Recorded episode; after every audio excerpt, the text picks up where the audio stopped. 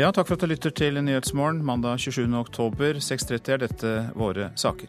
I gårsdagens parlamentvalg i Ukraina ble det seier til de provestlige kreftene i landet. Brasils president Dilma Rousef blir sittende ved makten, men landet er splittet etter gjenvalget. Innsatte i norske fengsler blir unødvendig ydmyket. Det mener Sivilombudsmannen. Det er en veldig integritetskrenkelse å måtte oppholde seg eh, naken i en celle, og til og med under påsyn av andre mennesker. Åge Falkanger, som altså er sivilombudsmann. Og nå vil også Vegvesenet ha tillatelse til å ta promillekontroller av deg. Her i studio i dag, Øystein Heggen. I gårsdagens parlamentsvalg i Ukraina seiret de provestlige kreftene i landet.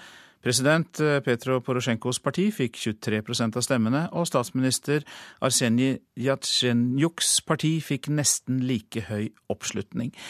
Store økonomiske utfordringer, en sviktende gassavtale med Russland og selvfølgelig de harde kampene øst i Ukraina har dannet bakteppe for dette parlamentsvalget. Moskva-korrespondent Morten Jentoft, hvordan skal vi tolke resultatet? Jeg tror vi skal tolke det slik som du sier, at dette er en brei oppslutning rundt eh, Petro Porosjenko, hans eh, politiske linje, som går ut på integrasjon med Europa. Men samtidig har han jo understreket at det er nødvendig nå å få til fred eh, med separatistene øst i landet. Er, man er nødt til å få slutt på krigen også. Sånn at man har avvist de mest aggressive nasjonalistiske kreftene i Ukraina. De har fått liten oppslutning ved dette valget her.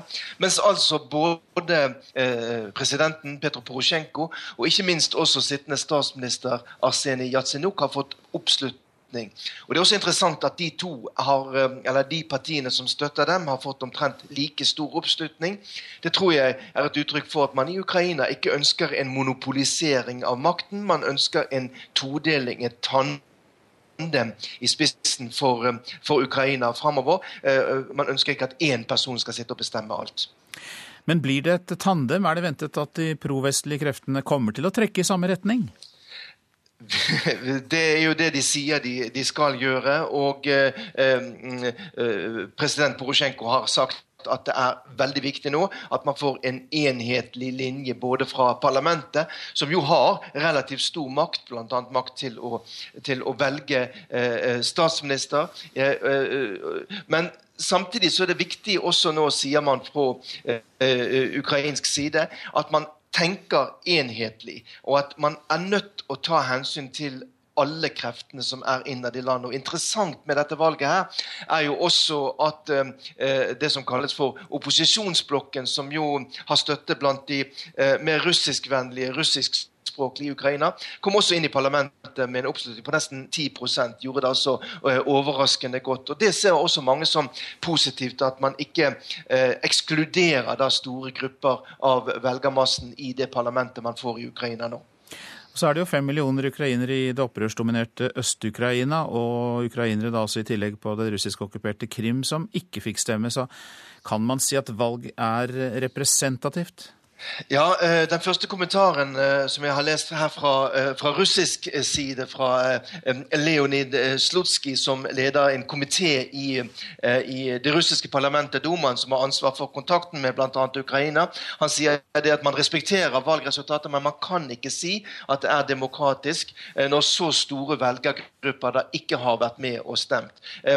De foreløpige undersøkelsene viser jo bare at hver tredje velger i Luhansk og og Donetsk fylke deltok i valget. Og også i Odessa, eh, russiskspråklige byen, området sør i landet, så er det bare 39% av velgerne som har stemt på. Eh, det sier da Slutskij er et tegn som sier at valget ikke kan regnes som helt demokratisk. Men samtidig så viser jo da de foreløpige oversiktene fra den ukrainske valgkommisjonen at 52,37 eh, av velgerne i Ukraina har deltatt i dette valget. Altså godt over halvparten av velgerne har tross alt deltatt, selv om der landet befinner seg i krig. Takk skal du ha, Morten Jentoft, som altså rapporterte fra Moskva om eh, parlamentsvalget i eh, Ukraina, der de provestlige kreftene i landet, kan man vel si, har eh, seiret og fått størst oppslutning. Brasil er splittet etter gårsdagens avgjørende runde i presidentvalget. Dilma Rousef ble gjenvalgt med drøyt 51,5% av stemmene, mot knapt 48,5 for sentrum-høyre-kandidaten Neves.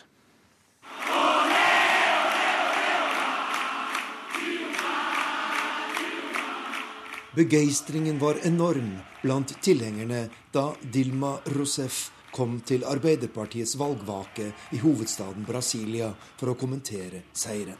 Velgerne har gitt meg en klar oppgave, sier den gjenvalgte presidenten. A palavra mais repetida, mais dita det ordet som har vært mest brukt i valgkampen, er ordet endring. Og det mest aktuelle temaet har vært reform. Jeg vil bruke alle mine krefter på å innfri dette kravet som kommer fra Brasils sjel, sa Dilma Rousef, som lovet å bekjempe korrupsjon med alle krefter og å gjennomføre en folkeavstemning for å få til en endring av det politiske systemet her i Brasil. Eu serei eternamente grato Jeg er evig takknemlig overfor hver og en av dere, sier valgets taper Aesio Neves når han møter sine tilhengere etter at resultatet er klart. Men selv om sentrum-høyre-kandidaten er skuffet, har han gjort et bedre valg enn noen annen opposisjonskandidat siden demokratiet ble gjeninnført her i Brasil for tre tiår siden. Arnt Stefansen, Rio de Janeiro. Og mer om valget i Brasil får vi etter klokka sju. Innsatte i norske fengsler blir unødvendig ydmyket. Det mener Sivilombudsmannen, som i sommer opprettet en ny kontrollinstans. Etter en inspeksjon i Tromsø i høst kritiseres at de innsatte på sikkerhetscellene må ta av seg alle klærne. Det er ikke bra, sier sivilombudsmann Åge Falkanger. Det er en veldig integritetskrenkelse å måtte oppholde seg eh, naken i en celle, og til og med under påsyn av andre mennesker. Grunnen til at alle som må settes på sikkerhetscelle fratas klærne, er altså at noen av dem kan tenkes å bruke klærne til å skade seg sjøl. Men selv ikke disse personene bør behøve å sitte nakne på cella med bare et teppe over seg, mener Sivilombudsmannen. Vi mener at det bør kunne skaffes klær som ikke er egnet til å brukes til selvskading. Reporter Tom Ingebrigtsen. En flyttbar del av en oljerigg som sleit seg i natt, er nå festet til slepetauet igjen. Bjørn Jarle Åmli, redningsleder i Hovedredningssentralen, sier det var dårlig vær, men likevel en udramatisk situasjon. Nei, Det var en uh, føre-var-situasjon uh, som kapteinen om bord vurderte at uh, det beste var å få av de som ikke hadde umiddelbar behov for å ha om bord. Årsaken til det var at plattformen lå og drev i relativt dårlig vær. Og han drev inn mot kysten, selv om han aldri var veldig nær kysten, men rett og slett for føre var. I tilfelle situasjonen skulle forverre seg, så ønsket han å ta av dette personellet. Vind opp i sterk kuling kombinert med mørke var mye av grunnen til at kapteinen om bord på den flytende riggen ønsket å evakuere det mannskapet som ikke var av noe avgjørende betydning der ute. Riggen skulle trekkes fra Nordsjøen og inn til Hanøytangen utenfor Bergen da slepet røk. Nå er man i ferd med å feste et nytt slep, og situasjonen er under kontroll, sier Omlid i Hovedredningssentralen. Ja, etter at eh, vi fikk flydd i land de 15, eh, så klarte eh, slepebåtene som var i området å få tak i ankerkjettingen til Safe Bristolia, og fikk dermed kontroll på flytteriggen. Reporter her, Ellen Borge Christoffersen. Bevegelsene i fjellpartiet ved Mannen har økt siden i går, ifølge Nordmøre og Romsdal politidistrikt. Politiet har vært i kontakt med geologer, men de kan foreløpig ikke si noe om hvor omfattende bevegelsene i fjellet er. Det har vært ustabilt i flere uker, og beboerne i området er evakuert fordi det er ventet at opptil 120 000 kubikk fjellmasse kan rase ut når som helst. Og dette fjellet, Mannen i Romsdalen altså, har tiltrukket seg stor interesse fra eksperter som overvåker bevegelser i fjellet. Bare fredag hadde sjefsgeolog Lars Harald Blikra over 100 telefoner ut og inn fra personer som vil gi råd om hvordan ekspertene skal håndtere situasjonen. Det er svært spesielt. Jeg har aldri opplevd noe lignende med så stort påtrykk over så kort tid. Hva konkret er det folk eh, vil gi råd om? Helt konkret eh, måten å sprenge på. Eh, måten å transportere vann opp. Helikopter, brannslanger og sånt. Hvordan opplever du eh, å få eller ha 100 telefoner på ei tolvtimersvakt? Nei, Det er et voldsomt trykk. Eh, så Sånne ting går ikke an å på en måte håndtere over lang tid. Et par dager går det greit, men det, da sier det stopp, tror jeg.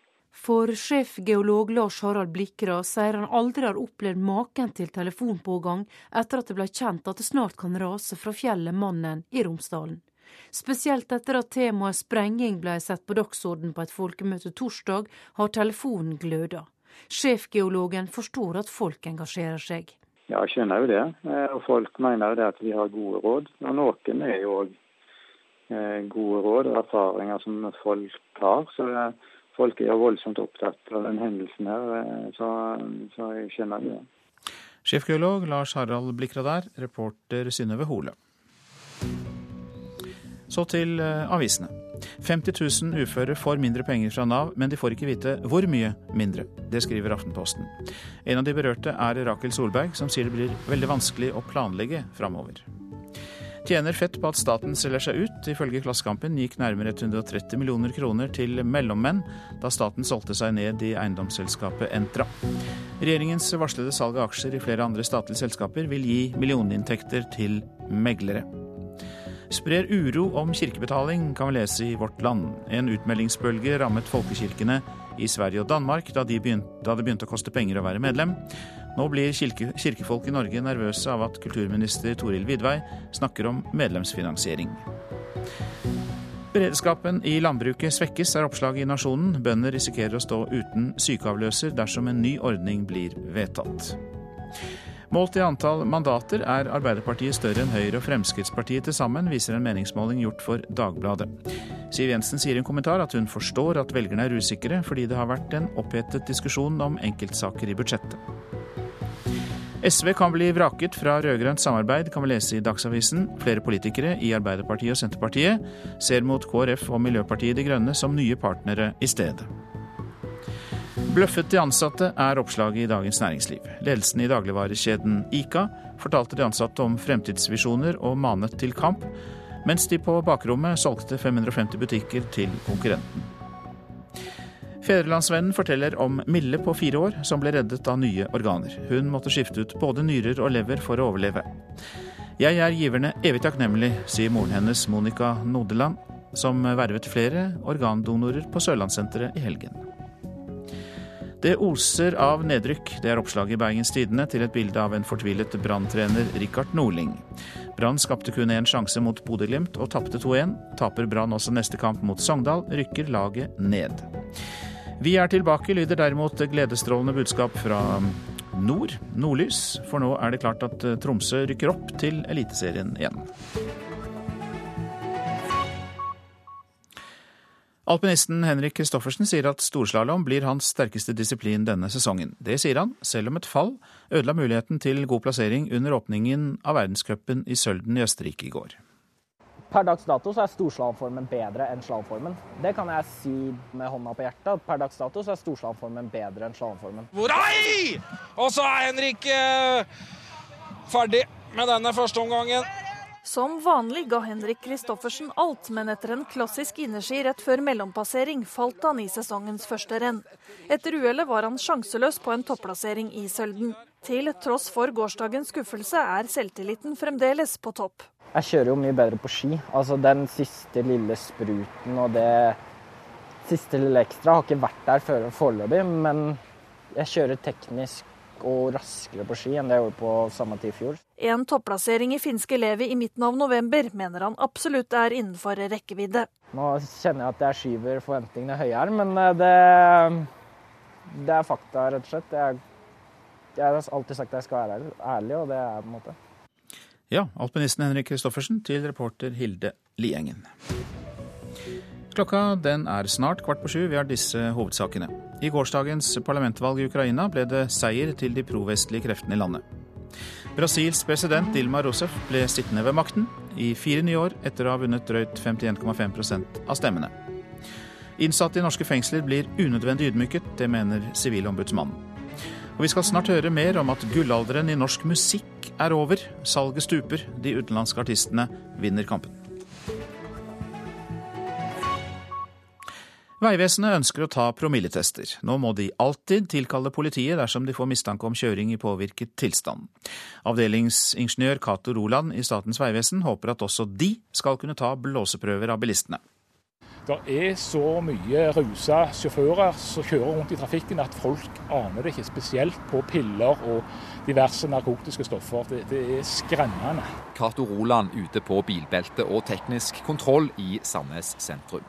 Han skulle ønske at han òg kunne sjekke promillen de gangene han og kollegene får mistanke om at de som blir stoppet, er ruspåvirka.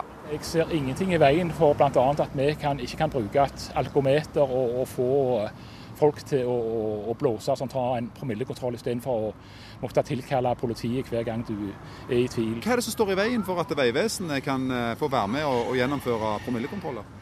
Nei, det ligger jo det er jo politisk, ikke sant. Så det, det, er jo politiet som har eh, Så det må jo styres politisk, da. Men, jeg vet at han eh, Solvik-Olsen er på banen. Jeg krysser fingrene for han. Det er en veldig god mann. At eh, han sørger for at vi får litt mer myndighet ute på, på veien. Han setter altså sin lit til samferdselsminister Ketil Solvik-Olsen.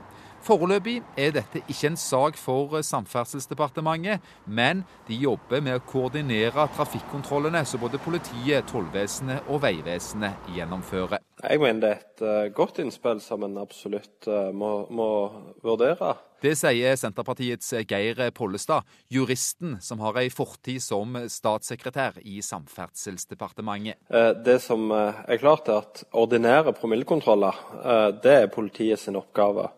Men når Vegvesenet likevel stopper folk i teknisk kontroll, hvis det da er mistanke, så uh, høres det ut som en god idé at de skal kunne ta en kontroll av dem. Nå er det en som står og blåser her borte, så dere har mistanke om uh, har kjørt uh, med promille eller i, i rus. er ikke dette godt nok? Nei, det går tid på dette her. Og det hadde vært mye enklere. La den andre etaten konsentrere seg om tjuv og kjeltring. Hva er det som står i veien for å få gjennomført en sånn en ordning? Det burde ikke være egentlig noe som uh, sto i veien. Uh, utgangspunktet er jo at det er politiet uh, som har myndighetsutøvelse i landet vårt, og skal sørge for at lov og orden blir fulgt. Men det er klart her må vi finne fleksible løsninger. Alle kan stå og holde en sånn en promilletest. Det eneste som vi ikke har myndighet til per i dag, det er jo å liksom drive med, med utrykningskjøring og sånt, og hvis de stikker og sånn. Men, men, men uansett, du, du, har stoppet bilen og har mistanke her, så er det bare å dra fram en alkomåler og få de til å blåse. og hvis de da stikker, eller et eller annet, så har du jo alle personalia på dem. og Da blir det jo en anmeldelse til politiet, og få politiet på plass og få, inn på, og få en blodprøve av dem. Cato Roland i Statens vegvesen der. Reporter Johan Mile Laugaland. Ville du betalt tusenvis av kroner for mat du ikke spiser? Det må eldre i Østensjø bydel i Oslo gjøre. Bor de i omsorgsbolig, så må de kjøpe tre måltider om dagen, selv om de lager sin egen mat. Fagansvarlig Kristine Kjær ved Eldreombudet i Oslo mener en slik praksis er ulovlig. Bydelene skal foreta en individuell vurdering av hver enkelt beboers eh, behov og ønsker. Og det skal være grunnleggende også for alle beboerne som er i omsorgsbolig. Østensjø bydel har tre omsorgsboliger med i alt 59 eldre. En av dem er en aktiv 90-åring som fortsatt går i operaen og på konserter.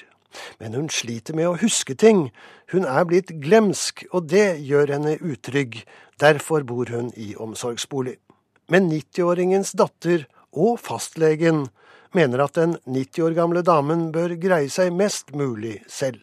Av helsemessige årsaker bør hun kjøpe inn og stelle til frokost og kvelds i egen leilighet. Datteren har også klaget til bydelen på at moren må betale 1500 kroner måneden på mat hun ikke skal ha.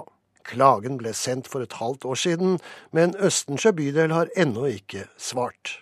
Først etter at NRK tar fatt i saken, beklager bydelsdirektør Tove Stien det som har skjedd. Jeg ser jo det når jeg går gjennom saken at dette her er uheldig, og jeg har forståelse for at eh, det oppleves urimelig at man skal betale for måltider man ikke har deltatt i. Så dere slutter med den tvungne bespisningen som man har hatt? Det gjør vi. Men siden datteren til denne eldre damen eh, klaget, så er det gått nesten et halvt år. Hvorfor har dere ikke besvart denne klagen før?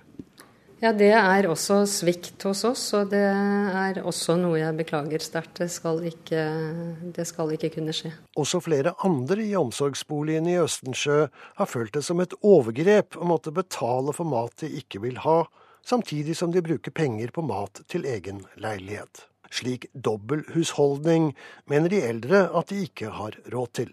Også Eldreombudet er kritisk til at slikt kan skje. Det som ombudet også ønsker å påpeke, er jo at eh, informasjon her synes som om har kommet, altså, og klagene har kommet fra både eh, denne beboeren, andre beboere og også tjenestestedet, denne omsorgsboligen. Og da er det jo et spørsmål hva er det som gjør at bydelen likevel har opprettholdt denne vurderingen av at de har besluttet at det skal innføres betaling for tre måltider per dag.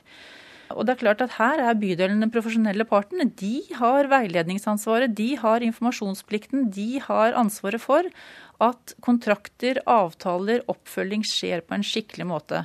Og Det stiller ombudet spørsmål ved om har skjedd i denne saken her. Og fagansvarlig hos ombudet var det Kristine Kjær. Reporter Kjell Vesje. Når Nordisk råd deler ut sin natur- og miljøpris denne uka, så skjer det uten norske kandidater. Prisen går til en nordisk kommune eller et lokalsamfunn som har utmerket seg på miljøområdet. Som eneste nordiske land er Norge ikke representert på nominasjonslisten. Av kandidatene som er vurdert, hadde andre kommuner enn de norske en bedre satsing på energi- og klimatiltak. Ja, det sier jurymedlem Heidi Grande Røis til NTB. Utenlandske artister dominerer musikkomsetningen. Hittil i år har norske artister kun stått for mindre enn 20% av det som blir solgt av musikk i Norge. Ja, Avicii selvsagt. Uh, Calvin Harris, uh, David Guetta, Taylor Swift, naturlig nok. Jørn Dahlshow i plateselskapet Da Works kikker gjennom lista over de mest spilte låtene på Spotify akkurat nå. Enda med David Guetta. Ei liste hvor det er langt mellom de norske navnene. For omsetninga av musikk i Norge er dominert av utenlandske artister Hittil i år har norsk musikk kun stått for 19,4% av det totale musikksalget. Det viser tall fra plateselskapsorganisasjonen IFPI. Jeg syns det er for lavt. og Det vi er nødt til å gjøre nå, er å jobbe med at flere begynner med streaming i alle aldersgrupper og alle lag av befolkningen. Og at eh, vi blir enda flinkere til å utvikle norsk musikk som mange kan lytte på i alle aldersgrupper. Åtte av ti nordmenn lytter til musikk via strømmetjenester, og den makta som platebransjen hadde sammen med butikkjeden Platekompaniet, er nå viska ut. Dermed må artistene fornye seg for å kjempe om oppmerksomheten, mener mangeårig musikkjournalist Asbjørn Slettemark. Alt handler om å skrive de låtene som når ut til et stort og bredt publikum, og som gjør deg til en artist som får store tall på YouTube og Spotify og Wimp og, og hva det måtte være. Føles som jeg er i helvete, styggen på ryggen har blitt en av mine nærmeste. Et eksempel på det er jo uh, Onkel P, og det handler ikke om så masse annet enn en god låt med stor appell som når ut til et bredt publikum, og som gjør at Onkel P plutselig har gått fra å være en litt alternativ artist til å være en, en folkelig artist. Slettemark mener musikkbransjen gjør lurt i å aktivt hjelpe den norske strømmetjenesten Vimp, der omtrent 35% av musikken som blir lytta på, er norsk. Redaksjonssjef i strømmetjenesten Sveinung Rindal inviterer til å tenke nytt. Det er en litt sånn eh, dugnadssituasjon kanskje, som vi står foran igjen. Skal vi satse ordentlig på norsk musikk overfor eh, alle de målgruppene vi vet som er glad i musikk, så må vi tenke litt Eh, videre. Da må du treffe veldig ungt, og du skal helst lage en type musikk som både kan spilles på fest, til trening, du kan spille når du er på vei til skolen, eh, på bussen osv. Altså, musikk som kan brukes i mange sammenhenger, og som kan lyttes på igjen og igjen.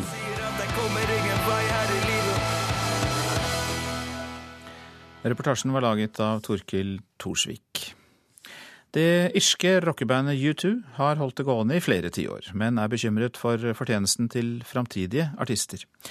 Sammen med datagiganten Apple jobber bandet med å lage et nytt musikkformat som skal gjøre platesalg lønnsomt igjen, men usikkerheten er stor. Da NRKs London-korrespondent Espen Aas møtte bandet, så um, tegnet de et mørkt bilde av framtida til kultur- og underholdningsbransjen.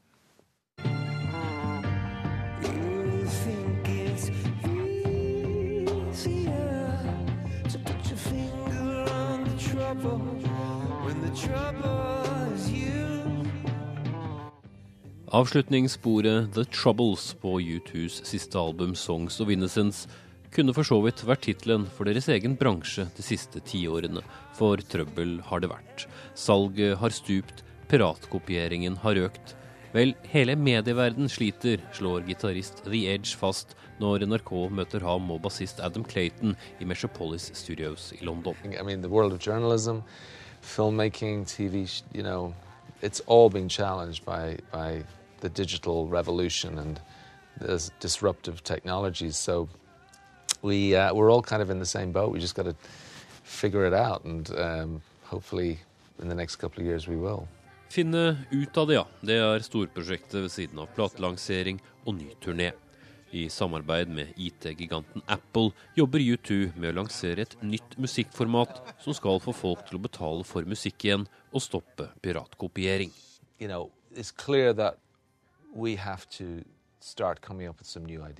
Helt uh, hva det blir, vet verken de eller vi ennå.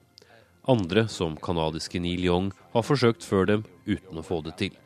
Men U2 håper å kunne lansere sin neste plate, 'Songs of Experience', på dette nye formatet. Uh, we're concerned about you know, the generation of artists and songwriters coming through now, and how will they manage to make the, you know the work that we will all be enjoying for the next 10 years or 20 years and um, it's not easy so things like the new format that we're planning um, with apple could go some way to to bringing back the emphasis on people paying for, for music that's distributed digitally. En hel generasjon har lært seg at musikk knapt koster på internett. U2 har en stor jobb foran seg. Espen Aas, Metropolis Studios, London.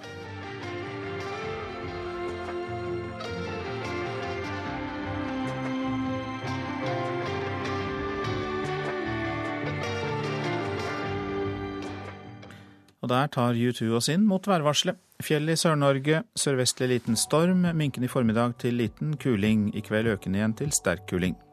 Regn og regnbyger, snø over 1200 meter, lite nedbør først på dagen i fjell i Sør-Norge. Østafjells periodevis stiv kuling på kysten og spredt regn. Rogaland og Hordaland i ettermiddag stiv kuling, i kveld sterk kuling i nord. Det blir regn og lokalt mye nedbør i nord. Sogn og Fjordane sørvest liten kuling først på dagen, sterk kuling ved Stad.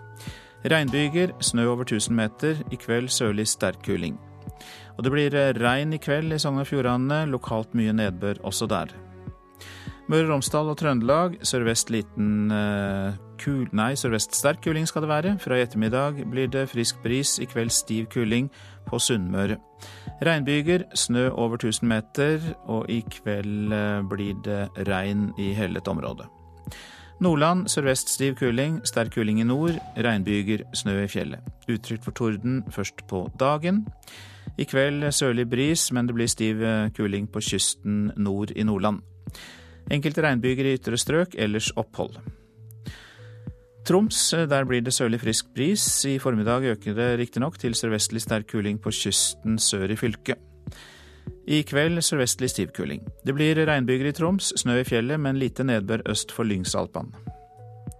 Finnmark i kveld stiv kuling på kysten, i øst nordvestlig opp i sterk kuling. Regn av og til, snø i høyereliggende strøk i Finnmark. Nordensjøland på Spitsbergen. Østlig liten kuling utsatte steder. Litt snø eller sludd i øst. Ellers delvis skyet oppholdsvær. Og Vi tar med oss temperaturene. Disse ble målt klokka fire i natt. Svalbard lufthavn tre grader. Kirkenes minus to. Vardø seks. Alta tre. Tromsø-Langnes fire. Bodø-Brønnøysund og Trondheim alle tre med sju grader. Molde ni. Bergen-Flesland ti. Stavanger 11, Kristiansand-Kjevik 13. Gardermoen 11, Lillehammer 12, Røros 3 grader og Oslo-Blindern hadde 12 grader klokka fire i natt.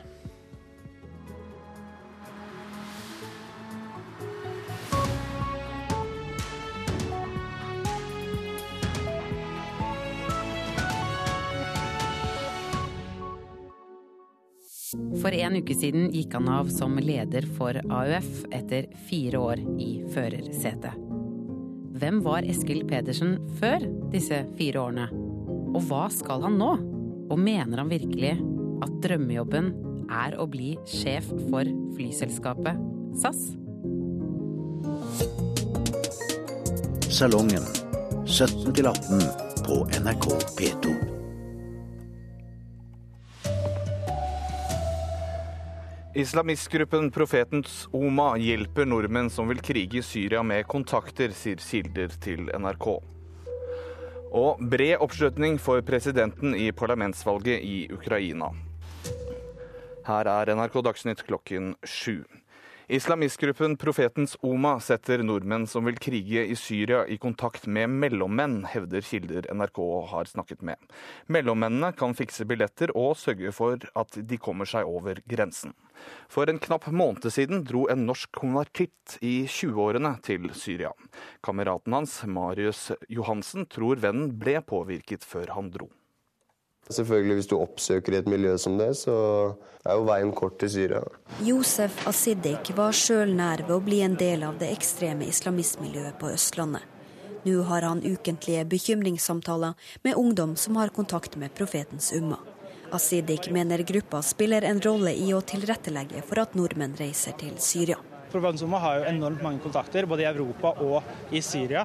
Asidik hevder at Profetens Umma videreformidler kontakt til mellommenn. De henviser gjerne til noen andre, og så er det dem man får lokale, um, lokale folk i Tyrkia som både fører dem over grensa, som stiller med hus og, og alt.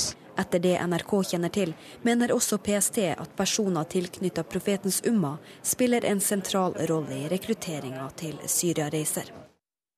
Og talsmann i Profetens Oma, Obadullah Hussein, vil ikke kommentere denne saken. Reportere var Kristine Svendsen og Runar Henriksen Jørstad.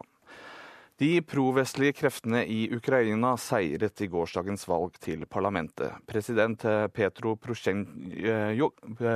Prosjenjukos parti fikk 23% av stemmene, og statsminister Arsenij Jatsjenjuks parti fikk nesten like høy oppslutning. Prosjenjuks eh, politiske linje er integrasjon med Europa, og han ønsker fred med separatistene i øst i landet. Det gir eh, han bred oppslutning, sier korrespondent Morten Jentoft. Man har avvist de mest aggressive eh, eh, nasjonalistiske kreftene i Ukraina. Eh, de har fått liten oppslutning ved dette valget her. Mens altså både eh, presidenten Petro Porosjenko og ikke minst også sittende statsminister Arsenij Jatsenuk har fått oppslutning og Det er også interessant at de to har, eh, eller de partiene som støtter dem, har fått omtrent like stor oppslutning. Det tror jeg er et uttrykk for at man i Ukraina ikke ønsker en monopolisering av makten. Man ønsker en todeling, et tandem i spissen for, eh, for Ukraina framover. Eh, man ønsker ikke at én person skal sitte og bestemme alt. Det fortalte altså Moskva-korrespondent Morten Jentoft. NRK Dagsnytt, Jean Erik Bjørnskau. Og her i Nyhetsmorgen spør vi hvorfor radikaliseringen av unge muslimer skjer så raskt. Vi spør en terrorforsker. Brasil er splittet etter at presidenten ble gjenvalgt i går. Vi analyserer valget her i Nyhetsmorgen. Jorda fra hagesentrene er torv fra myrer. Kjøp heller kompostjord, er rådet fra Miljødirektoratet. Så Istedenfor å gå til hagesenteret for å kjøpe torv til hagene, så, så, kan man jo heller gå på gjenvinningsstasjonen og kjøpe kompostjord. Det er, klart bedre for klimaet, og kanskje også bedre for hagen din. Ja, Det mente Audun Rossland, avdelingsdirektør i Miljødirektoratet. Voksne får eh, lekre retter, mens barna tilbys enkel ferdigmat som pølse, hamburger og chips på mange restauranter. Som vi hørte i Dagsnytt, islamistgruppen Profetens Omma setter nordmenn som vil krige i Syria i kontakt med mellommenn. Det hevder kilder NRK har snakket med. Mellommennene kan fikse billetter og sørge for at nordmennene kommer seg over grensa. For en knapp måned siden dro en norsk konvertitt i 20-årsalderen til Syria. Kameraten hans tror haldenseren ble påvirket før han dro.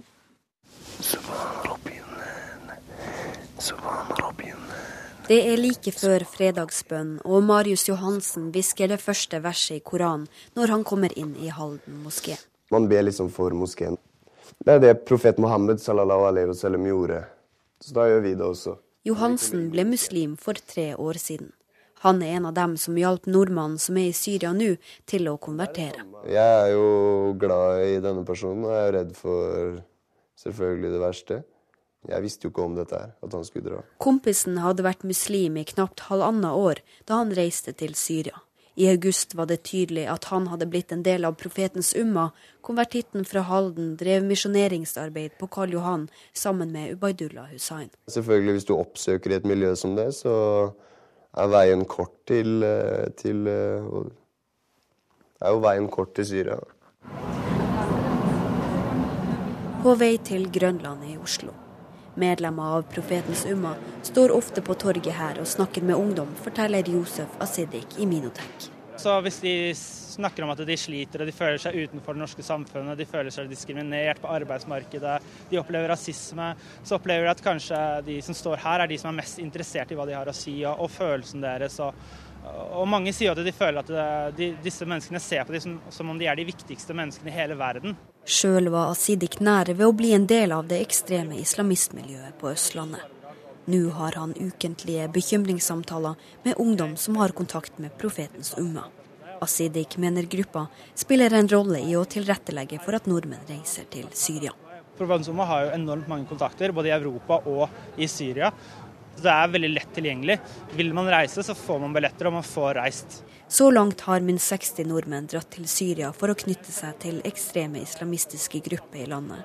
Og etter det NRK kjenner til, mener også Politiets sikkerhetstjeneste at personer tilknyttet Profetens Umma spiller en sentral rolle i rekruttering av de her. Asidik hevder at Profetens Umma videreformidler kontakt til mellommenn. De henviser gjerne til noen andre, og så er det dem man får lokale um, lokale folk i Tyrkia som både fører dem over grensa, og som stiller med hus og, og alt. Så, så, hvis man vil reise, så får man det veldig enkelt. Fredagsbønnen er snart over. Marius Johansen har bedt for nordmennene som er i Syria. Jeg ber til Allah subhanahu wa ta'ala om at han skal beskytte dem, og jeg håper de kommer trygt hjem. Han sier han forstår dem som reiser til Syria for å hjelpe befolkninga som lider. Samtidig mener han det er i strid med islam å kaste alt man har i hendene for å gjøre jihad i et fremmed land. Han er motstander av den islamske staten IS, og tenker mye på familien til kameraten som er i Syria nå. Det er jo selvfølgelig forferdelig for familien å gå i usikkerhet og ikke vite hvordan sønnen har det hver eneste dag. Det er jo forferdelig. Jeg bare tenker på hvordan moren min hadde reagert hvis jeg skulle ha reist. Og det er jo ikke sikkert hun hadde klart det engang. Psykisk. Det er jo veldig tøft psykisk. Så jeg føler med dem veldig mye. Vi legger til at Ubaydullah Hussein ikke vil kommentere denne saken. Reportere Kristine Svendsen og Runar Henriksen Jørstad. Atle Mesøy, god morgen til deg. God morgen. Du er terroranalytiker ved Universitetet for miljø og biovitenskap, og spesielt opptatt av radikaliseringsprosesser. Og Vi hørte jo her at det kan skje i løpet av kort tid. Hva er årsaken til det? det er eh, at eh, folk er så forskjellige hvordan eh, de handler, og slags, hvor, hvor sårbare de er som individer. Og dette budskapet det dreier seg jo om noe som som Det blir fremstilt som at det haster, rett og slett. At dette, dette er en krig som man er oppe i, og, og det er nå det gjelder, det gjelder liv. Men de føler seg utenfor, hørte vi her. Hvilke forhold ved det norske samfunnet er det som bidrar til en så ekstrem radikalisering? Altså jeg, jeg, jeg, tror det med radikalisering det, litt, eh, det kan være litt eh, misvisende. Eh, at det er et konsept som, som man fant på i Eller som man kom frem til i rundt 2000-2003. Og når man ser på det rent sånn ut fra eh, forskningsståsted, så, så, har det mange hull i, i, konseptet. Det er ikke sånn at alle blir radikalisert som f.eks. blir terrorister. Så eh, det kan være helt andre ting som, som, driver et menneske til å gjøre ekstreme handlinger, som f.eks. Eh, pliktfølelse eller kjærlighet. Eh, sånne psykologiske eh, mekanismer. Så kanskje det å bruke begrepet radikalisering blir, eh, ikke blir bredt nok, ikke omfattende nok? Nei, det, det, det blir ikke presist nok. Eh, og, og, det er så vanskelig når man skal forklare menneskelige handlinger generelt, så, så, så blir det så vanskelig å, å, skulle forklare hvorfor et menneske handlet nøyaktig sånn som det gjorde. Eh, da, da, er det bedre, eh, som, som en, av de, eh, en, av de, mest kjente innenfor dette feltet sier. Han sier at da er det mye bedre John Horgan sier at det er mye bedre å se på og spørre de hvordan de handlet, og, og prøve å finne et mønster ut ifra det. For hvorfor det kan være så enormt mange årsaker til at et menneske handler, og det er ikke sikkert at de vet det selv, selv om de blir intervjuet om det. Mm. Mye av dette skjer jo eh, via internett, men hvor viktig er en gruppe som Profetens Umma? Jeg tror de er svært viktige. Fordi at uh, det, det, er klart at internett kan virke sterkt, og man kan få, man kan få uh, kontakter der. Man kan sitte og ha direkte samtale med noen av de kjente rekruttererne i, i Storbritannia, f.eks. Men, men uh, samtidig denne følelsen av å være i samme rom, det å be sammen, det å, å Altså det fysiske det, det har nok en, en, stor innvirkning. Har det også en innvirkning at mange av disse som blir jihadister, eh, har en vanskelig bakgrunn selv? Ja, det, det, det, kan det ha, fordi at da blir det ofte mm, enten-eller. Eh, livet blir mye mer svart-hvitt for noen som har vært på, eh, på, på, kjøret, for å si det sånn, eller som har brukt narkotika. Så, så, er, det, så er, de vant til å se livet i et, et svart-hvitt perspektiv, et, i et ekstremt perspektiv. Og for de da så kan det være om å gjøre å gjøre dette på en, på en, på en absolutt mest optimal måte. Takk skal du ha for disse tankene, Atle Mesøy, som altså da er terroranalytiker ved Universitetet for eh, miljø- og biovitenskap. Nå om eh, innsatte i norske fengsler, for de blir unødvendig ydmyket. Det mener Sivilombudsmannen. Under en inspeksjon i Tromsø i høst så kom det bl.a. fram at de innsatte på sikkerhetscelle må ta av seg alle klærne. Og det er ikke bra, sier sivilombudsmann Åge Falkanger. Det er en veldig integritetskrenkelse å måtte oppholde seg eh, naken i en celle, og til og med under påsyn av andre mennesker, i en eh, sårbar situasjon. Grunnen til at alle som må settes på sikkerhetscelle fratas klærne, er altså at noen av dem kan tenkes å bruke klærne til å skade seg sjøl. Men selv ikke disse personene bør behøve å sitte nakne på cella med bare et teppe over seg, mener Sivilombudsmannen. Vi mener at det bør kunne skaffes klær som ikke er egnet til å brukes til selvskading. Dette er ett av 26 punkter som nevnes i rapporten, der folk fra Sivilombudsmannen bl.a. har gjennomført intervjuer med både innsatte og ansatte. De trekker også fram at soningsforholdene er spesielt vanskelig for de som har helseproblemer, og kvinner som soner på høyt sikkerhetsnivå. Et annet problem er at mange innsatte blir sittende for mye på cella og ikke får luftet seg så mye som de skal. Vi fant at eh, fengselet tidvis eh, har låst hele avdelingen, eh, slik at samtlige innsatte der har måttet oppholde seg på cellene sine i perioder hvor det normalt er anledning til å ha fellesskap. Og dette skyldes jo da ressursmangel. Ledelsen ved fengselet i Tromsø vil ikke kommentere enkeltpunkter før de har lest rapporten nøye. Men fengselsleder Berit Salvesen syns det er bra at de blir kontrollert. Vi ser positivt på at Sivilombudsmannen har besøkt fengselet. Vi skal nå gå gjennom de ulike punktene som er omtalt, og, og også de anbefalingene som ombudsmannen gir oss i rapporten. Tromsø fengsel er neppe verre enn andre norske fengsler, og det er tilfeldig at den første kontrollen skjedde der, sier Sivilombudsmannen. I tillegg til fengsler og politiarrester skal den nye kontrollinstansen sjekke forholdene i institusjoner innen psykiatri og barnevern for å forebygge nedverdigende behandling. Mennesker som er berøvet friheten og plassert slike steder, er eh, noen av de mest sårbare eh, personene vi har i samfunnet. Og det er viktig at eh, en utenforstående instans kontrollerer om de utsettes for unødvendige krenkelser eller ydmykelser. Den nye kontrollenheten ble etablert i vår etter at Norge sluttet seg til tilleggsprotokollen i FNs torturkonvensjon. Besøket i Tromsø var det første, men blir ikke det siste, sier Falkanger. Ja, vi kommer til å besøke en rekke mm, fengsler og andre institusjoner hvor folk fratas friheten. Eh, og det vil vi gjøre jevnlig. Vi vil dels ha anmeldte besøk, men dels også uanmeldte besøk. Sivilombudsmann Åge Falkanger, reporter Tom Ingebrigtsen.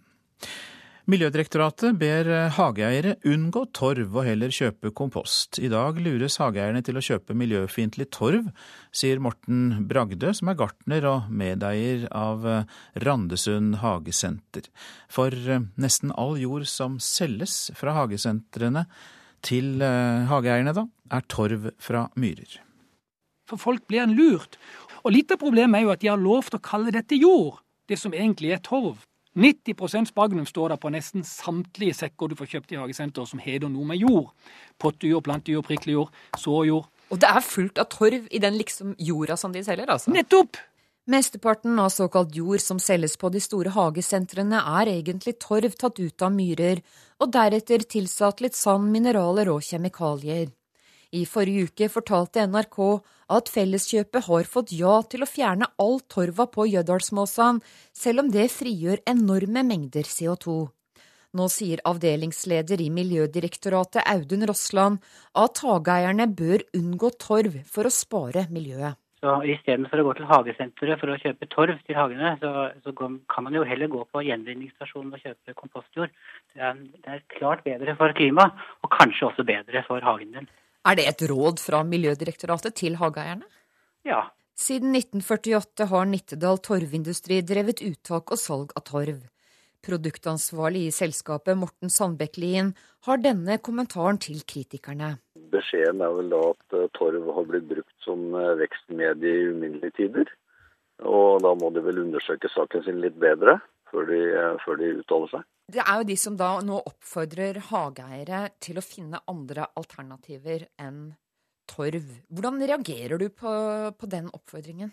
Jeg tror at um, en, en sånn enkel påstand ikke har noe særlig stor betydning for folks vaner. Du er uenig i påstanden om at dette fører til store CO2-utslipp? CO2-utslipp, store CO2-utslipp. Eh, jeg har ingen, eh, ingen, belegg for å si noe om det i det hele tatt, for det, sånne tall har ikke jeg. Bevaring av torvmyrene reduserer miljøutslipp. Likevel sitter politikerne på gjerdet.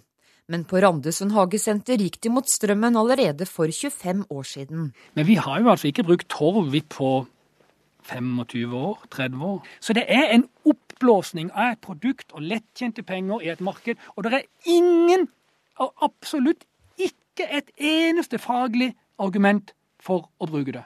Så hva er din oppfordring til hageeiere som ønsker å være miljøvennlige? For det første, ikke kjøp et eneste produkt hvor det står Spagnum bak på sekken i innholdsfortegnelsen. Kjøp ekte kompost. Reporter her, det var Line Tomter. Klokka har nettopp passert 7.17. Vi har disse hovedsakene.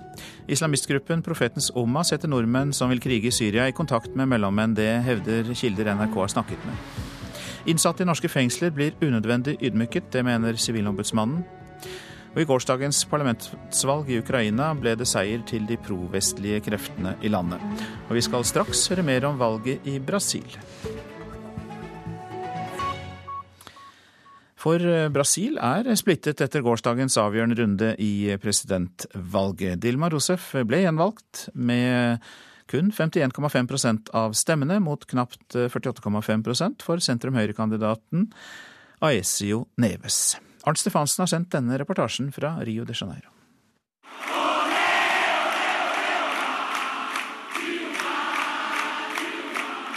Begeistringen var enorm blant tilhengerne da Dilma Rousef kom til Arbeiderpartiets valgvake i hovedstaden Brasilia for å kommentere seieren. Velgerne har gitt meg en klar oppgave, sier den gjenvalgte presidenten. A palavra mais repetida, mais dita det ordet som har vært mest brukt i valgkampen, er ordet endring. Og det mest aktuelle temaet har vært reform. Jeg vil bruke alle mine krefter på å innfri dette kravet som kommer fra Brasils sjel, sa Dilma Rousef, som lovet å bekjempe korrupsjon med alle krefter og å gjennomføre en folkeavstemning for å få til en endring av det politiske systemet her i Brasil. É, o PT, no caso o governo Lula e o governo da Dilma, eles fizeram muito pelo social. Vi som er fattige, stoler mer på Dilma enn på Aesio Neves, selv om han også har lovet sosial rettferdighet, sier José Claudio, som jobber i resepsjonen i en boligblokk i bydelen Copacabana her i Rio.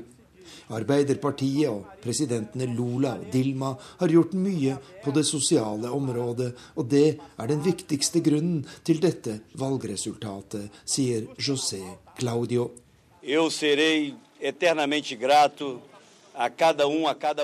Jeg er evig takknemlig overfor hver og en av dere, sier valgets taper Aesio Neves når han møter sine tilhengere etter at resultatet er klart.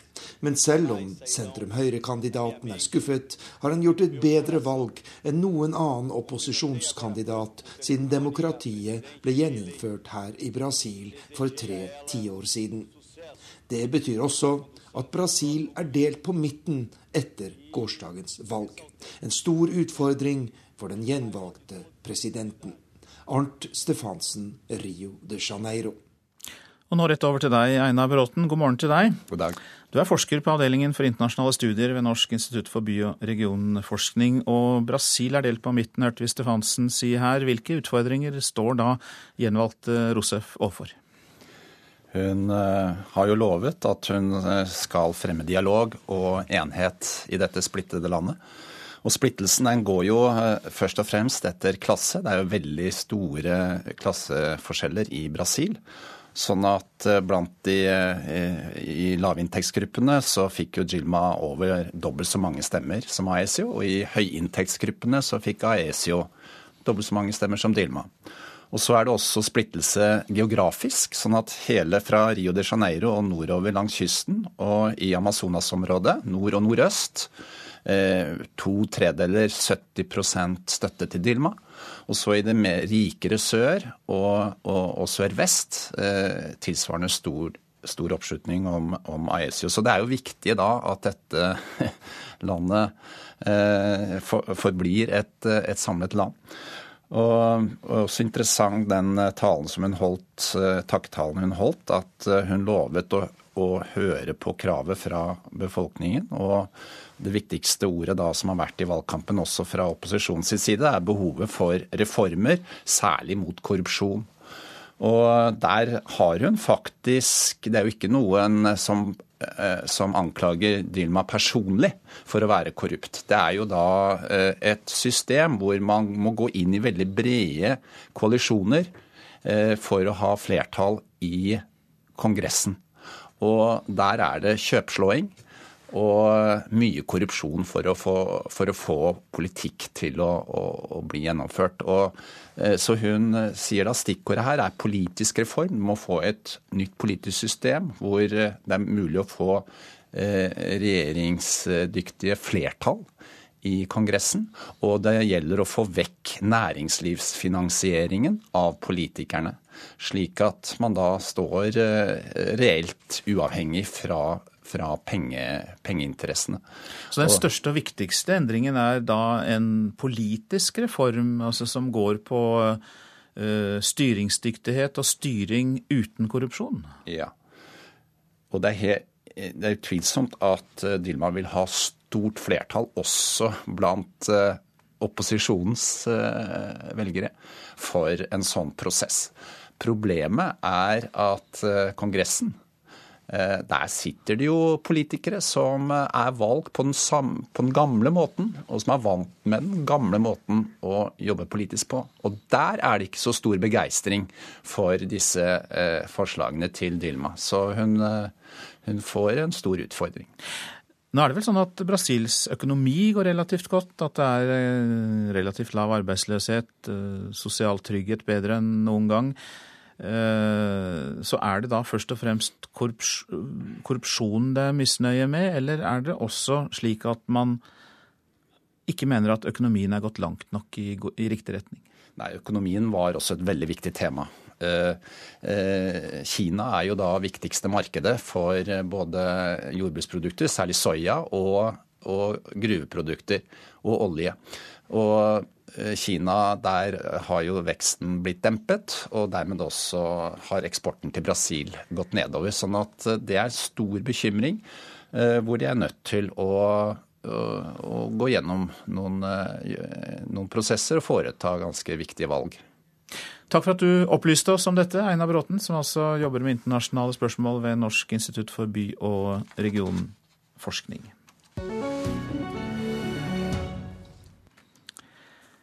Så skal jeg si litt om eh, det avisene er opptatt av i dag. 50 000 uføre får mindre penger fra Nav, men de får ikke vite hvor mye, skriver Aftenposten.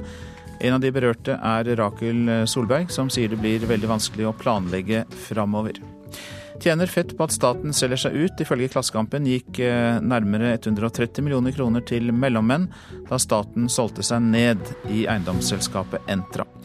Regjeringens varslede salg av aksjer i flere andre statlige selskaper vil gi millioninntekter til meglerne.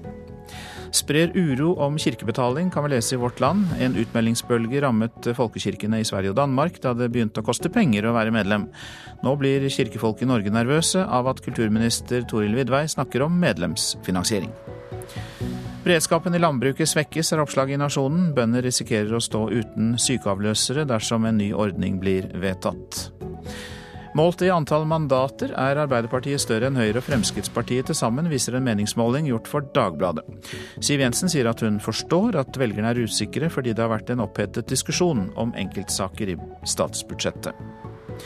SV kan bli vraket fra rød-grønt samarbeid, kan vi lese i Dagsavisen. Flere politikere i Arbeiderpartiet og Senterpartiet ser mot KrF og Miljøpartiet De Grønne som nye partnere i stedet. Bløffet de ansatte, er oppslaget i Dagens Næringsliv. Ledelsen i dagligvarekjeden Ica fortalte de ansatte om framtidsvisjoner og manet til kamp, mens de på bakrommet solgte 550 butikker til konkurrenten. Fedrelandsvennen forteller om Mille på fire år som ble reddet av nye organer. Hun måtte skifte ut både nyre og lever for å overleve. Jeg er giverne evig takknemlig, sier moren hennes, Monica Noddeland, som vervet flere organdonorer på Sørlandssenteret i helgen. Det oser av nedrykk, er oppslaget i Bergens Tidende til et bilde av en fortvilet branntrener Rikard Norling. Brann skapte kun én sjanse mot Bodø-Glimt og tapte 2-1. Taper Brann også neste kamp mot Sogndal, så rykker laget ned. Vi er tilbake, lyder derimot det gledesstrålende budskap i Nordlys, for nå er det klart at Tromsø rykker opp igjen til Eliteserien. Når vi voksne går på restaurant, så kan vi gjerne bestille fra en variert meny der maten er tilberedt fra grunnen av med gode råvarer. Men på barnemenyene er det ofte pølse, nuggets, hamburger og chips, retter som restaurantene sjelden har produsert selv. Nora på fire skal vi høre fra nå, fire og et halvt faktisk. Hun forteller hva hun helst vil ha. Pannekaker og pasta pesto. Men når dere er på restaurant, hva pleier du å spise da?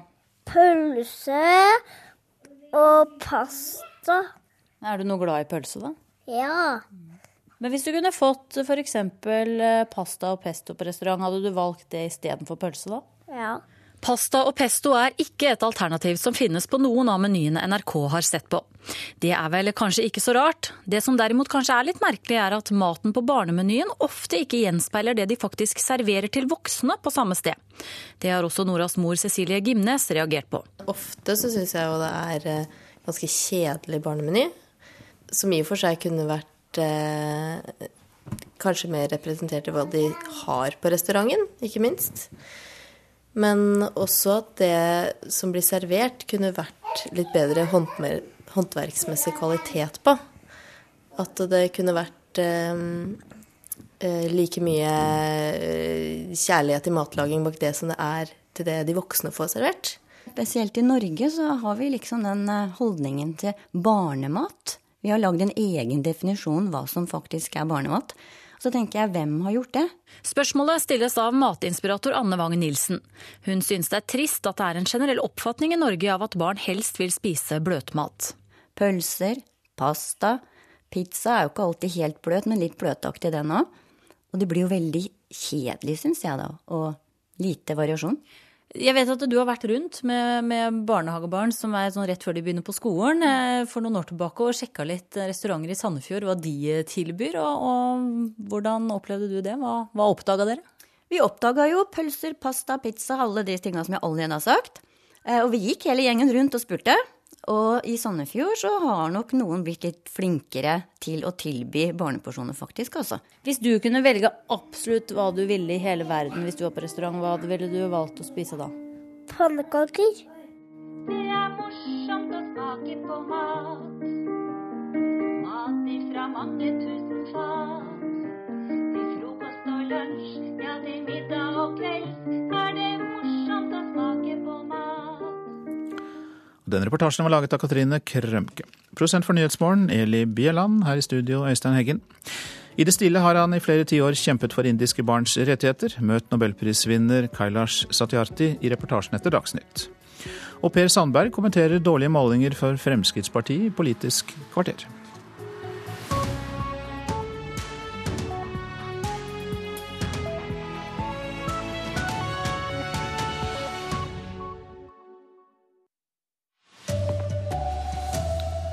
Islamistgruppen Profetens Oma hjelper nordmenn som vil krige i Syria med kontakter.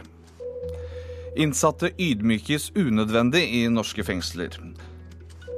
Og Brasils president ble gjenvalgt med knappets mulig margin. Nå må Dilma Rousef samle et delt land.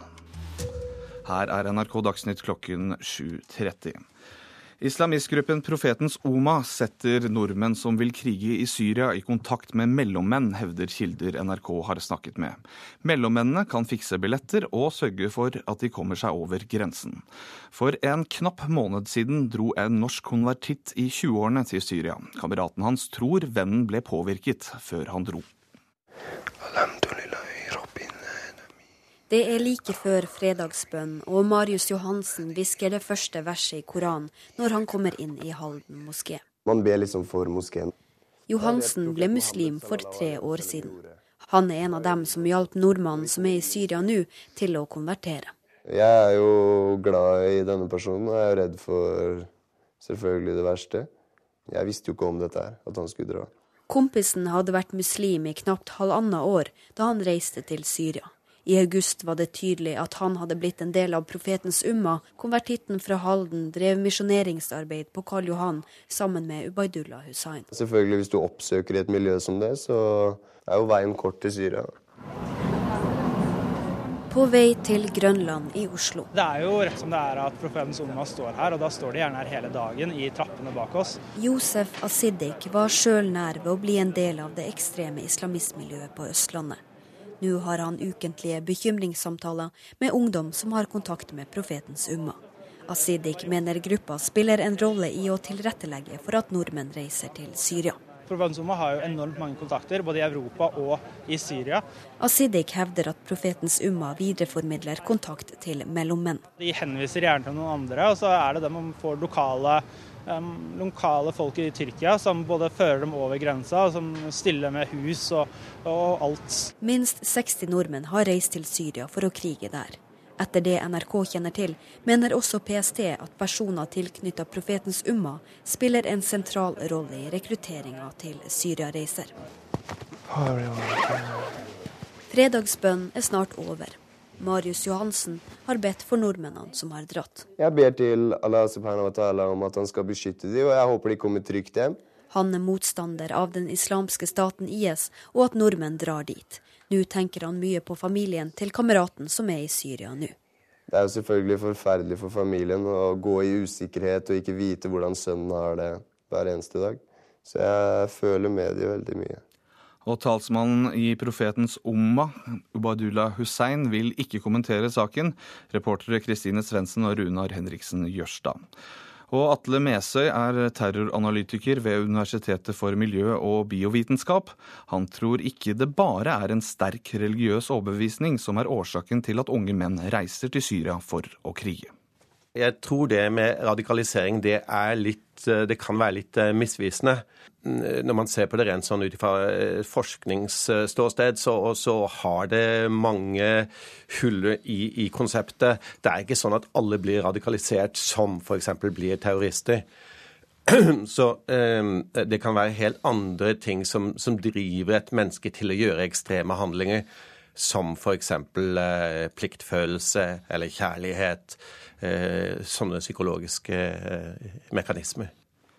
Innsatte i norske fengsler blir unødvendig ydmyket. Det mener Sivilombudsmannen, som i sommer opprettet en ny kontrollinstans.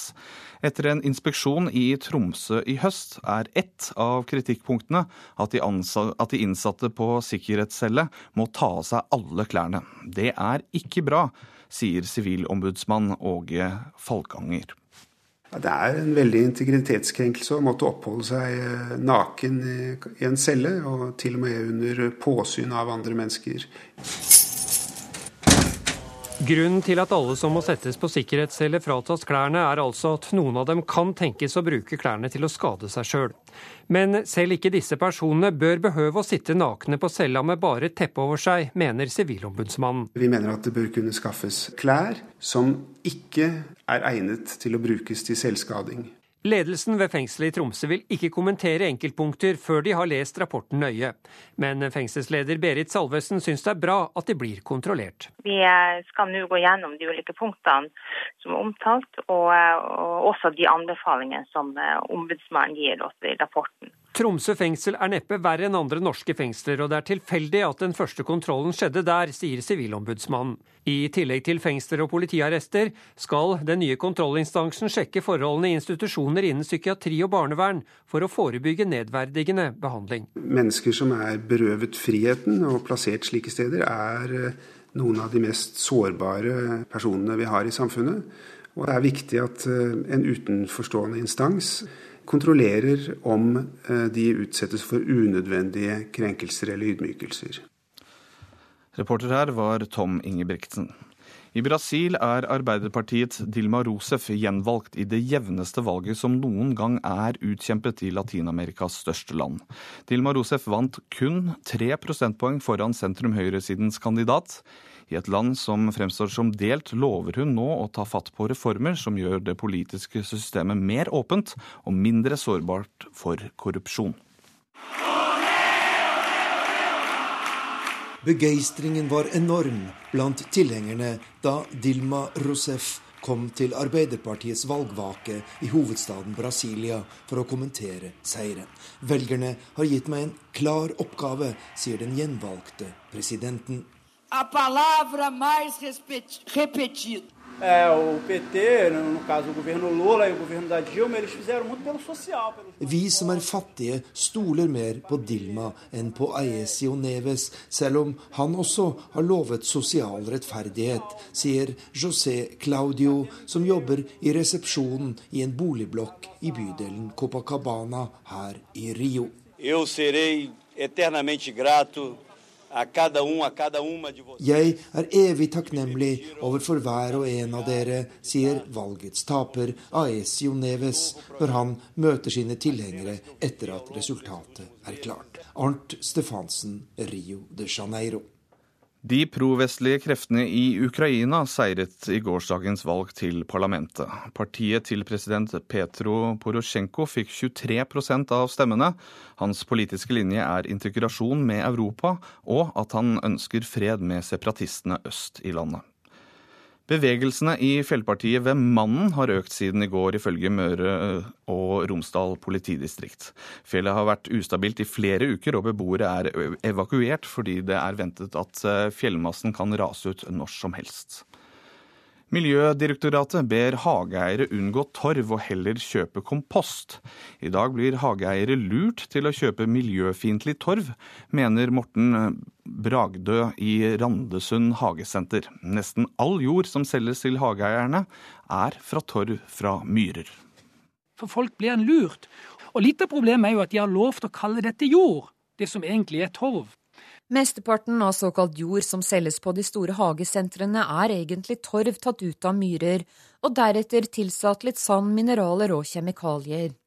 I forrige uke fortalte NRK at Felleskjøpet har fått ja til å fjerne all torva på Jødalsmåsan, selv om det frigjør enorme mengder CO2. Nå sier avdelingsleder i Miljødirektoratet Audun Rossland at hageeierne bør unngå torv for å spare miljøet. Så istedenfor å gå til hagesenteret for å kjøpe torv til hagene, så, så kan man jo heller gå på gjenvinningsstasjonen og kjøpe kompostjord. Det er, det er klart bedre for klimaet, og kanskje også bedre for hagen din. Siden 1948 har Nittedal torvindustri drevet uttak og salg av torv. Produktansvarlig i selskapet, Morten Sandbekk-Lien, har denne kommentaren til kritikerne. Beskjeden er vel da at torv har blitt brukt som eh, vekstmedie i uminnelige tider.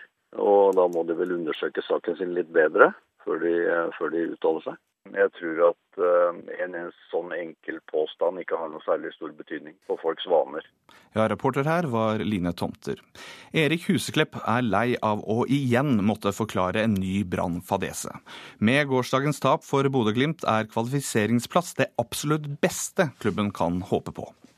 Det er ikke godt nok. Vi har hatt masse muligheter og vi har misbrukt hver sjanse vi har hatt nå. Men eh, lei av å stå her og snakke om tap, egentlig. For nå vi er nødt til å bare mobilisere nå. Vi er nødt til, vi hel, fikk heldigvis en ny sjanse fordi de to andre bunnlagene tapte òg. Så da får vi en ny sjanse på neste søndag. Ansvarlig for sendingen var Anders Skårseth, Frode Thorshaug og jeg, Jan Erik Bjørnskau.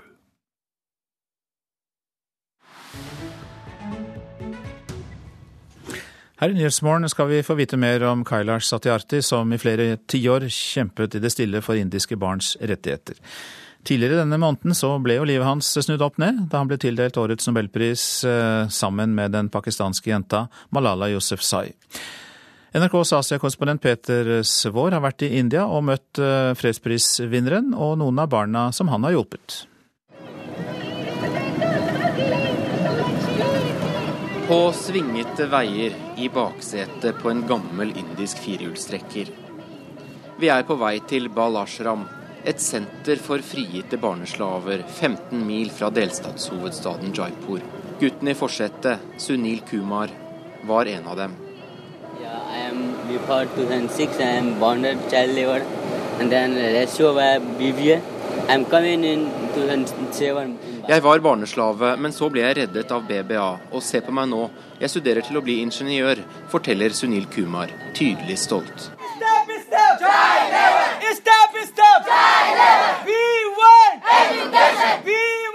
Om lag 80 frigitte barneslaver bor på dette senteret. Mange er hentet ut i ofte farlige raid mot steinbrudd og fabrikker.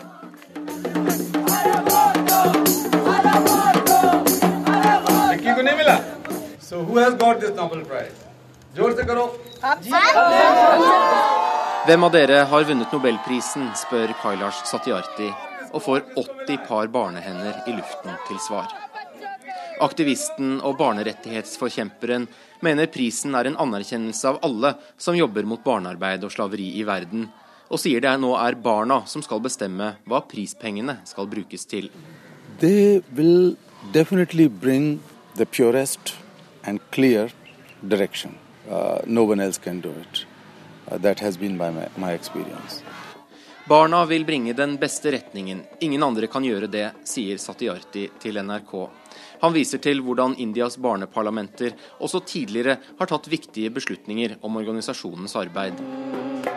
Mera git amar kar do. Det er kona Sumedra som står for den daglige driften av dette senteret. Og hva er det viktigste et barn som kommer hit trenger, spør jeg henne. Love.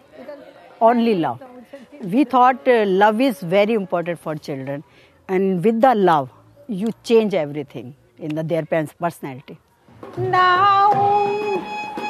En av musikkstudentene hennes i dag er 13 år gamle Jamal. Det er ikke hans ekte navn, men de yngste barna får vi ikke identifisere. Ni år gammel ble han solgt til en tekstilfabrikk i Delhi.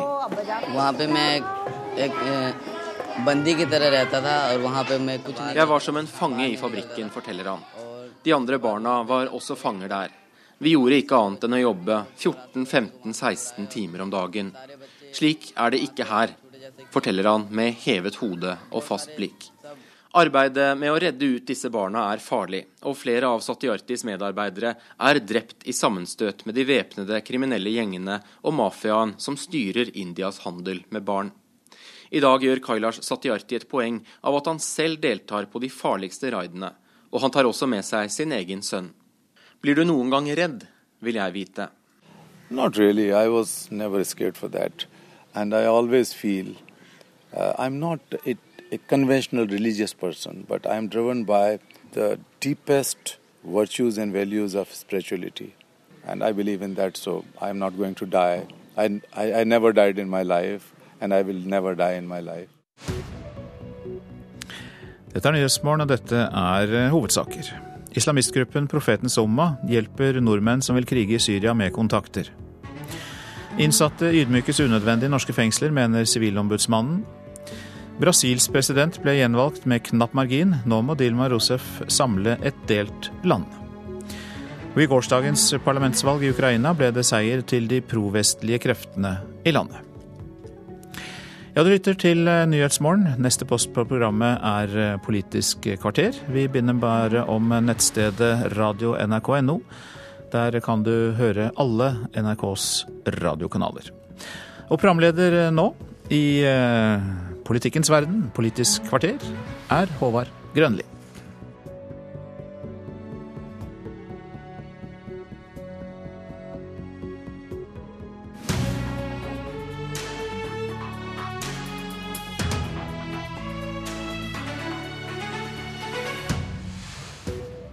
Per Sandberg mener Frp har gjort en elendig kommunikasjonsjobb, fortviler over inntrykket av dårlig sosial profil. Mens Senterpartiet mener FrPs samferdselspolitikk er et eneste stort løftebrudd. Velkommen til et politisk kvarter med Frp i sentrum. I målinga i Dagens Næringsliv lørdag fikk partiet 12,2% oppslutnad, dårligste resultat på 17 år. Og eksakt samme resultat lyser mot Frp i Dagbladet i dag. Når et parti får dårlige målinger, så bruker partiledelsen å si at målinga går opp og ned, men til Dagens Næringsliv sa første nestleder Per Sandberg sitat, vi har gjort en elendig jobb og peker på at det har festa seg en sanning om et usosialt budsjett. God morgen, Per Sandberg. God morgen. Hva er årsaka til at Frp sliter nå? Nei, Det er sjelden jeg eh, legger mye vekt på meningsmålinger. Eh, men denne gangen så tror jeg at det er ganske enkelt å analysere det opp imot eh, statsbudsjettet ble, som ble fremlagt 8.10, og at vi ikke har vært dyktige nok på noe områder i forhold til å slå tilbake. Nå er det etablert seg en hel rekke usannheter der ute. Det har etablert seg en frykt, særlig blant uføre. Eh, det er etablert en sannhet om at eh, nærmest samtlige som har uføretrygd i Norge, vil få kutt i sine ytelser fra 1.1.2015, noe som ikke medfører riktighet i hele tatt. Ønsker du at partiet skal framstå som mer sosialt rettferdig?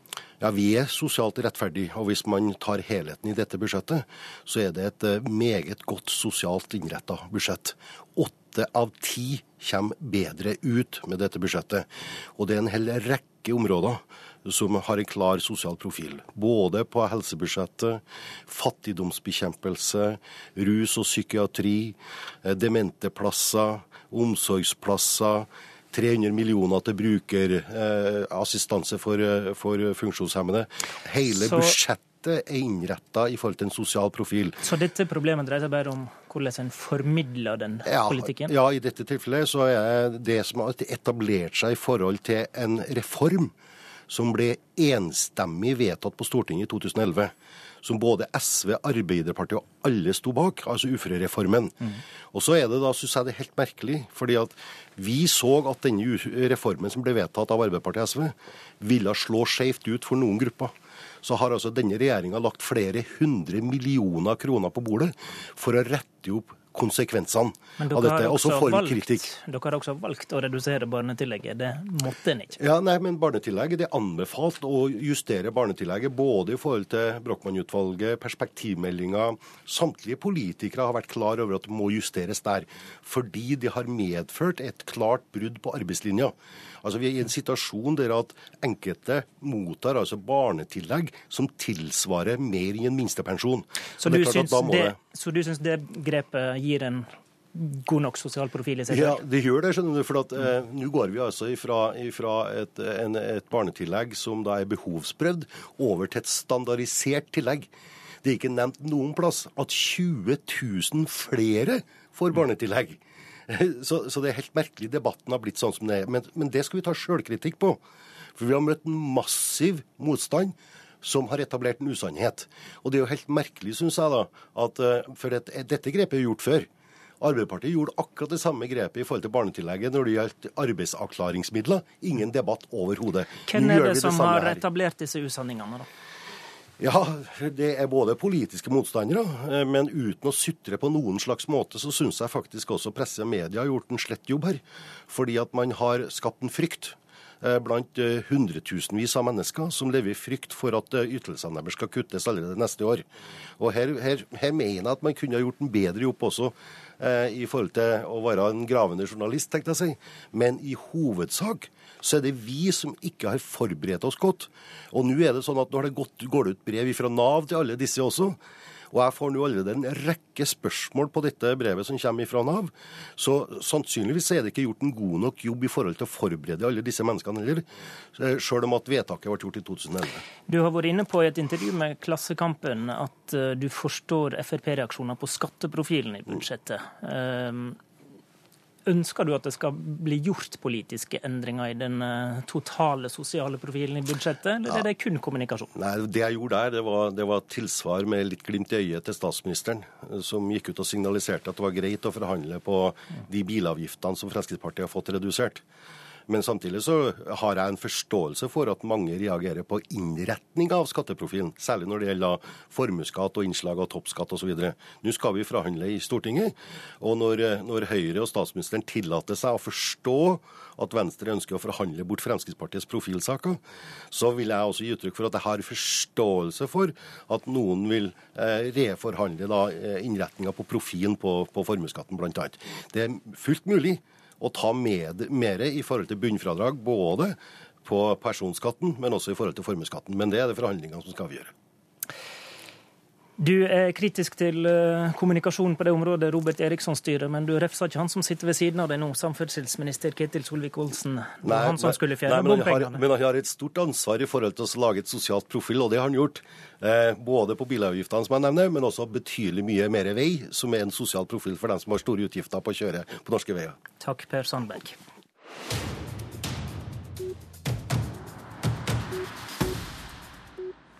For da skal vi gå eh, fra den ene nestlederen i Frp til den andre, som er Ketil Solvik-Olsen, eh, samferdselsminister. Men vi skal begynne med hans eh, kritiker, som sitter i studio på Elverum, leder i Senterpartiet, Trygve Slagsvold Vedum. Det har egentlig vært ganske stille om samferdselsbudsjettet etter at det ble lagt fram. Det må vel kanskje bety at Solvik-Olsen har lagt fram et ganske godt budsjett? Altså, vi synes jo det, det er et greit budsjett, men vi syns det er en overraskende lav prioritering av samferdsel når regjeringa har tillatt seg sjøl å bruke over 40 milliarder mer oljepenger enn det som var i det rød-grønne budsjettet i fjor høst. Så vi har hatt en voldsom vekst i oljepengebruk. Mens når du ser samferdselsbudsjettet, så har jo den, den veksten som legges opp til i dette budsjettet, er ca. 5 milliarder kroner. Mens eh, vi, når vi la fram vårt rød-grønne budsjett i fjor, hadde en vekst på ca. 6,3 milliarder kroner. Så det, det er en utflating av den veksten vi har hatt i samferdselsbudsjettet. Og jeg tror ikke Stortinget kommer til å godta en så lav vekst i samferdselsbudsjettet i år. Og, og vi kommer til å jobbe veldig aktivt for at samferdselsbudsjettet skal bli større uh, gjennom behandlinga i Stortinget. Og det er ingen grunn for at man skal flate ut veksten.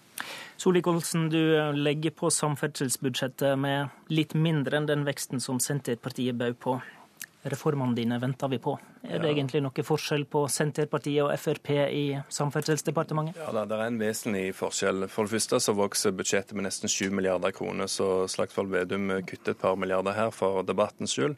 Men det er altså en vekst på infrastrukturinvesteringer som er enorm. På veisida så øker vi veksten med 20 På vedlikehold så øker vi med 43% Til fylkesveier nesten 70% Tunnelsikring over 100 det blir altså første år i 2015 på mange tiår at vi begynner å hente inn vedlikeholdsetterslepet på veisida. Men òg på jernbane så er det en enorm vekst i vedlikeholdsbevilgningene. Der er vi nesten sånn at vi nå stopper etterslepet i, i, i vedlikehold. Eh, det har vokst år for år de siste ti årene. Nå begynner vi å komme at vi òg stopper det der. Det, det, viser jo at det er en enorm mye større satsing nå enn det det har vært. I tillegg så dobler vi antall milliarder til planlegging av nye veier. Vi femdobler bevilgningen til planlegging av ny jernbane. fordi at Skal vi gjøre det temposkiftet som vi har varsla, så må vi òg sørge for at byggetegningene er klar. Og Det arver vi ikke helt fra de rød-grønne, men nå gjør vi den jobben. Vedum, det er jo ingen tvil når du ser på tallene at samferdsel er et vinnerområde i dette statsbudsjettet. Hva ville dere egentlig gjort annerledes da? Det, og det er det veldig mye tvil om når du ser, ser tallene. Og så er det jo litt sånn kreativ bruk av tall Ketil Solvik-Olsen her eh, gjør. for han legger Hvordan da? Jo, for Han legger sammen det som ble plussa på i revidert og tilleggsproppen i fjor. Nei. Jeg bruker tallet som ligger på Finansdepartementets hjemmeside, så får folk sjekke det sjøl. Det er ikke kreativ bruk. hvis Da er det Siv Jensen som er kreativ. Jeg kan regne høyt for deg. 55 milliarder minus 48 er 7. Videre her. Eh, for at det, hva er det som, Hvis du ser den største endringene som har skjedd det siste året, jo det er at man tillater seg eh, å bruke mye mer oljepenger. Eh, altså det er, Budsjettet nå i år gjøres opp med ca. 40 milliarder mer oljepenger enn det vi gjorde i fjor. Og Da er det ikke imponerende eh, at det er en, en vekst i samferdselsbudsjettet på i overkant av 5 milliarder. Det er, det er skuffende. Og, og Jeg er helt sikker på at både KrF og Venstre kommer til å presse på for at samferdselsbudsjettet skal bli større. Og det er overraskende at gang etter gang så er det budsjettet som Ketil Solvik-Olsen legger fram til Stortinget, ikke godtatt av Stortinget, for vi syns at bevilgningene er for lave. Og det kommer til å skje også, det til å skje også i høst. Og så må vi også huske hva Ketil Solvik-Olsen og Bård Hoksrud lovde før valget. Dere lovde at den skulle plusse på 45 milliarder kroner mer årlig. Mm. Mens nå plusser de på litt mindre enn det vi gjorde. Så det er et gedigent mangeplass, Spesielt når du ser på bompengesatsingen. Solvik-Olsen, da Stortinget behandla Nasjonal transportplan, så sa dere 45 milliarder ekstra ja. årlig. Vi er et stykke unna det. det. Ja, vi er det. Fordi Fremskrittspartiet sa vi bør investere mer av oljeformuen vår i infrastruktur på fastlandet ved å bygge vei og jernbane istedenfor å spare det i lave obligasjonsrente i, i, utlandet. Det fikk vi ikke flertall for. Så jeg må jo forholde meg til det stortingsflertallet vil. Vi bruker mer oljepenger enn de rød-grønne ville gjort. Vi bruker mer penger på å investere i vei og jernbane. Ikke så mye som Frp ville, men allikevel mer enn det de rød-grønne la opp til. Eh, I fjor høst så la de rød-grønne fram sitt budsjett. Vi plusser på nesten 2 milliarder kroner til samferdsel. Vi har en større veksttakt nå. Vi, nærmere, vi ligger altså foran skjema på Nasjonal transportplan når det gjelder jernbane. Vi ligger godt i rute når det gjelder vei. Vi har en enorm vekst på vei, fordi det har vært nedprioritert i lang, lang tid. Sånn at nå skjer det store ting her. Og så er det òg feil det som blir sagt fra Vedum. Vi foreslo mer veibevilgninger i fjor enn det Stortinget til slutt vedtok.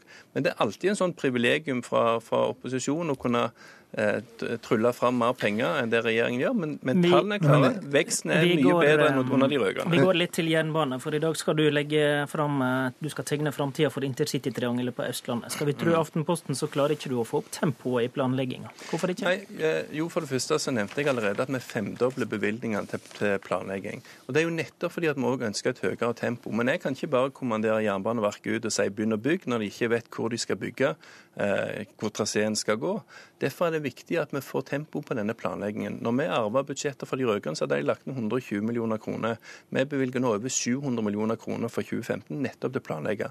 Vi har grepet grep inn politisk i flere av disse stedene der du hadde eh, sånne utredninger som gikk i sirkel, fordi at ulike statlige sektoransvarlige satt og krangla mot hverandre. Vi grep inn politisk og sa Sånn skal løsningen være. Finne ut praktisk hvordan det skal gjennomføres. Derfor er vi allerede i gang med å framskynde planene. Men dette er jo tunge saker som tar tid. Men det vil være uansvarlig å bare kutte ut planlegging, begynne å bygge. Vedum, han har kanskje arva noen planprosesser fra ditt parti?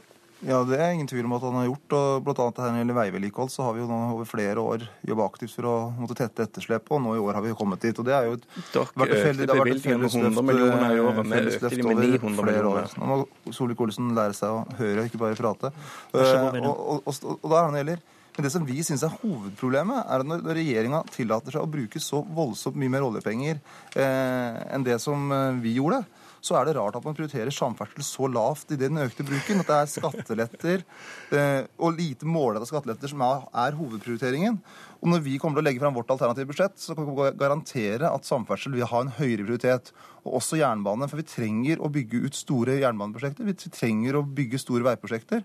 Og når vi da bruker så mye oljepenger som det regjeringa legger opp til, så må vi prioritere samferdsel høyere enn det dere har klart å få til. Men det er riktig. altså Vi satser bredt. Vi satser mer på justis, mer på helse, mer på skoler, på skattelettelser for næringslivet og for arbeidskraften. og Derfor er det ikke sånn at all økning kommer kun til samferdsel. Men igjen, det er feil det du sier. Nei, men... I, i, I, mange tiår så har altså vedlikeholdsetterslepet på norske veier økt, òg under den regjeringen som du satt i dette er første året at vi begynner å hente inn igjen vedlikeholdsetterslepet. Du kan si så mye du vil at du er skuffa over at satsingen ikke er større, men vi leverer der dere lovte. Ja, altså Samme det... gjelder på jernbane.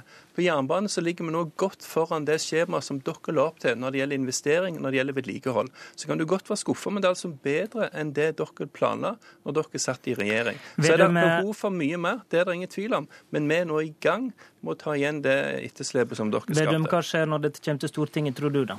Jeg føler meg helt trygg på at samferdselsbudsjettet kommer til å være større enn eh, det har vært i Stortinget. Altså Senterpartiet og Fremskrittspartiet er vel de to partiene som over tid har vært mest opptatt av, av vei. Men, eh, men, totalen i samferdselsbudsjettet kommer til å bli, bli, bli økt.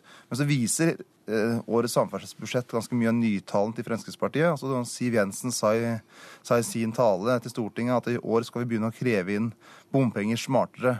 I fjor var det smart å avskaffe bompenger. I år skal man kreve inn bompenger smartere. Så det har skjedd et enormt skifte. skifte i Og vi kom ikke engang til bompengedebatten. Politisk kvarter i dag var ved Håvard Grønli.